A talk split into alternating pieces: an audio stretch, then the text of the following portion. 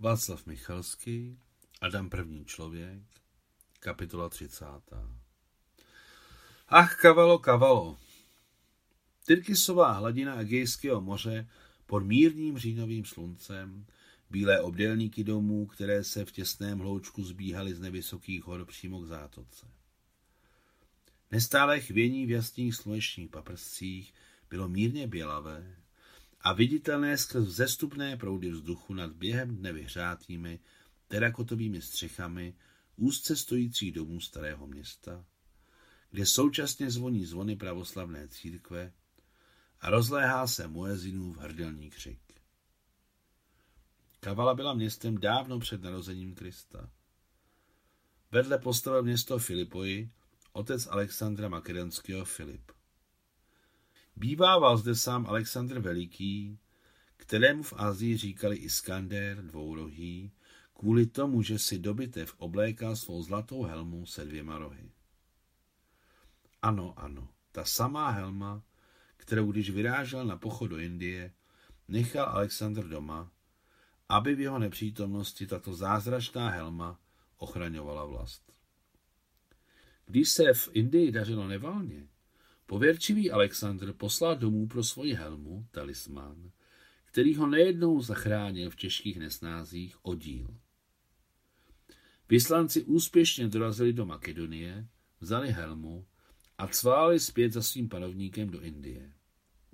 Vraceli se rychle, ale někde na severním Kavkaze jim bandité helmu ukradli, schovali na neznámém místě a od těch dob mnozí doufají, že najdou zlatou helmu Alexandra Makedonského v předhůří velkého kavkazského řebene.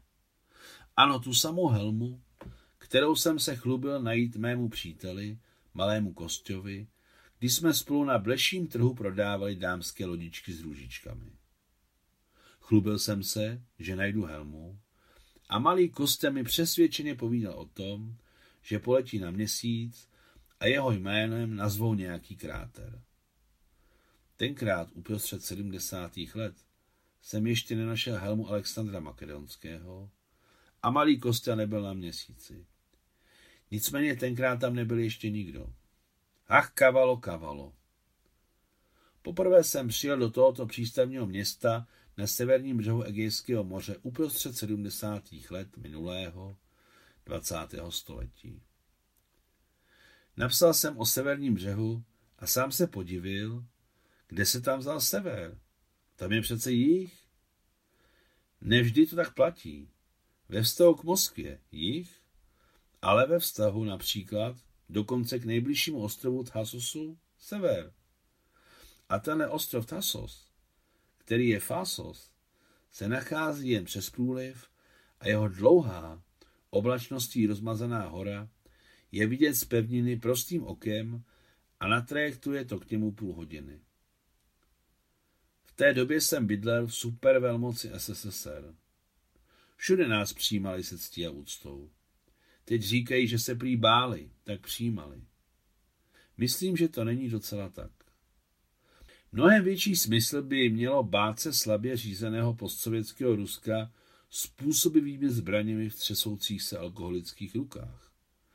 Ale tenkrát se nás už nikdo nebál, protože posledních deset let 20. století jsme se pro celý svět stali odhozenou kartou, která je zahozena mezi ostatními plevami. A tenkrát v 70. ne. A ještě tři archeologi poslali z Moskvy do Kavaly, protože uprostřed 60. let tam otevřeli obnovené archeologické muzeum, které utrpělo za války velké škody. Sovětské specialisty z nejrůznějších oborů činnosti posílali po celém světě pomáhat místním profesionálům. A naše specialisty přijímali všude s otevřenou náručí a vděkem.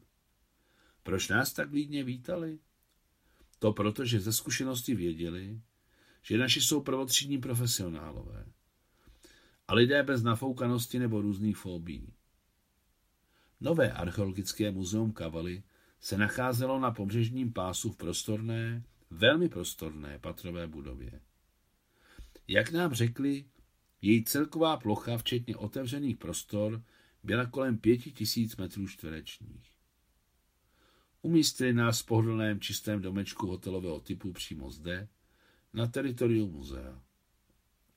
V den příjezdu, když mě pozdě večer přivedl vyhazovač přístavní taverny, se byl připraven na nejtvrdší sankce, dokonce až na okamžitý odjezd do SSSR. S obtížemi jsem se držel na nohou, ale hlavu jsem měl jasnou ze strachu. Vešel jsem do našeho hotelového domku s neúprostnou odevzdaností toho, kdo jde na popraviště. Moji kolegové ještě nešli spát a řešili, kde mě, nešťastníka, hledat.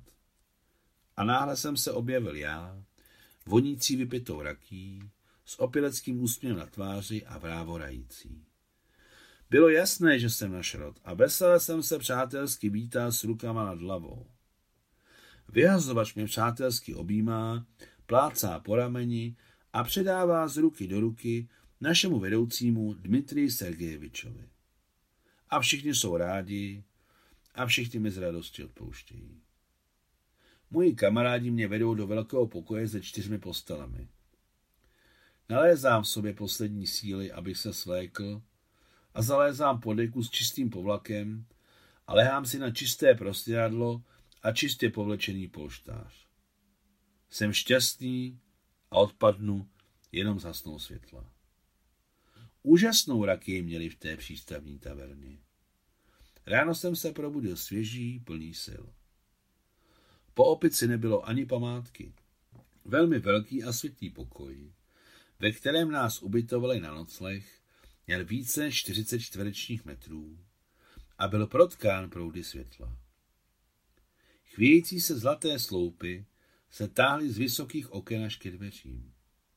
Sladce jsem se protáhl a nastavil zavřená víčka slunci. Před očima, jako by ještě ve snu, proplouvaly vidiny vzdálených dní. Pes G, hříbě vy, jeho máma, bílá kobila Silva, šakali s její svítícíma očima v noci a dokonce malinká žabička, kterou jsem jednou zachránil před měďankou. Chlapci, snídaně čeká! Rozhledl se najednou za našimi dveřmi hlas mojí drahé tety Moti. Letím, veselé jí odpověděl jeden z mých kamarádů. Deset minut. Otevřel jsem do kořán oči a v ten okamžik uviděl v proudech slunečního svitu, jako kdyby utkaném z milionu tančících zlatých zrnek prachu, mladou, ale rychle stárnoucí tvář tety Moti. Nevěřil jsem svým očím, zavřel je a když jsem je znovu otevřel, ve slunečních paprscích nebylo nic, kromě živého, tekoucího světla. Když jsem se myl, pocítil jsem bolest v konci ukazováčku pravé ruky, v bříšku, kterým jsem včera večer zkoušel rozstavený vosk v prohlubní oharku svíčky a jak se ukázalo v prachu. Prach neprach, ale prst jsem si stejně spálil. Jakmile jsem si utřel příjemně vonícím čistým ručníkem obličej a ruce, podrbal jsem se spáleným koncem prstu nejdříve za jedním a pak za druhým uchem. Tak mě to učila teta Nusja. Pokud si spálil prst, podrbej se s ním za uchem, je tam tuk a přejde to. Včera jsem si spálil prst o studený prach. A teď tento hlas tety Moti, který se akorát ozval za dveřmi, chlapci, snídaně čeká. Zase se mi to zdá? Mám znovu halucinace?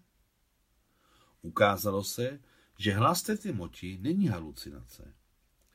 Disponovala jim černovlasá urostlá řekyně středních let s širokými pocuchanými řasami a zářivýma tmavohnědýma očima, která nás vítala.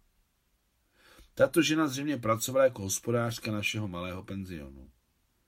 Ne, nebyla vůbec podobná mojí drahé tetě Motě, ani trošičku. Ale hlas a maníra mluvit, i sám styl řeči si byly natolik podobné, že mě to děsilo. Byla jste někdy u nás v SSSR? Zeptal se řekyně Erato, tak se jmenovala, jeden z mých mladších kolegů. Fíha, já jsem místní kavalská, vykřikla Erato. Bylo to přesně tak, jak to dělávala moje drahá teta Moťa. Jejími slovy, jejím hlasem, jejím gestem, kdy vystřelila před obličej prsty obou rukou Fíha! Když ty tam Motě tak to vykřikla své Fíha! A také vystřelovala dopředu prsty. Vždycky se mi zdálo, že vypouští na svobodu rychlé ptáčky. Asi vrabčáky. Dále vyšlo najevo, že se Erato narodila v Kavale roku 1923, že jí máme Ruska, od chochlu odešla ke kozákům nepřišla, že v roce 1920 utíkala od Donu s mužem a dvěma malými dětmi, dcerou Kateřinou a synem Dmitriem. Muž zahynul po cestě, ale děti s ní dorazily do Kavaly. I když nemocné a hladové. Ale sláva Bohu živé. Erato měla její máma s druhým mužem, řekem, který jí pomohl vychovat a vzdělat všechny tři děti. Moje upovídaní mladší kolegové se vyptávali řeky se živým zájmem. A ona jim také o sobě živě a upřímně vyprávěla. Vedoucí našeho týmu Dmitrij Sergejevič neřekl ani slovo a téměř nezvedl oči od stolu. Nevím, proč mlčel. A proč jsem mlčel já?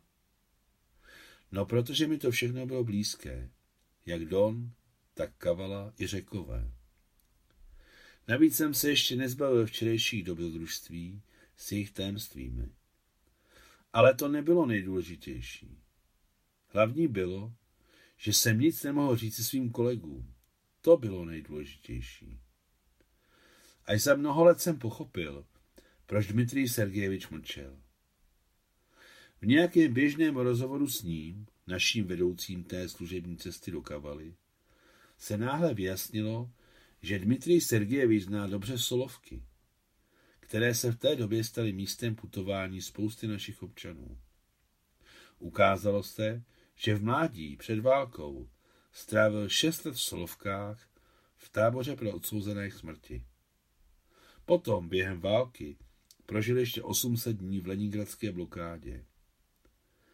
A já si vždycky myslel o svém starším soudruhovi, to je tak úspěšný člověk. Nevzrušuje ho nic, kromě vědy. Konec 30. kapitoly.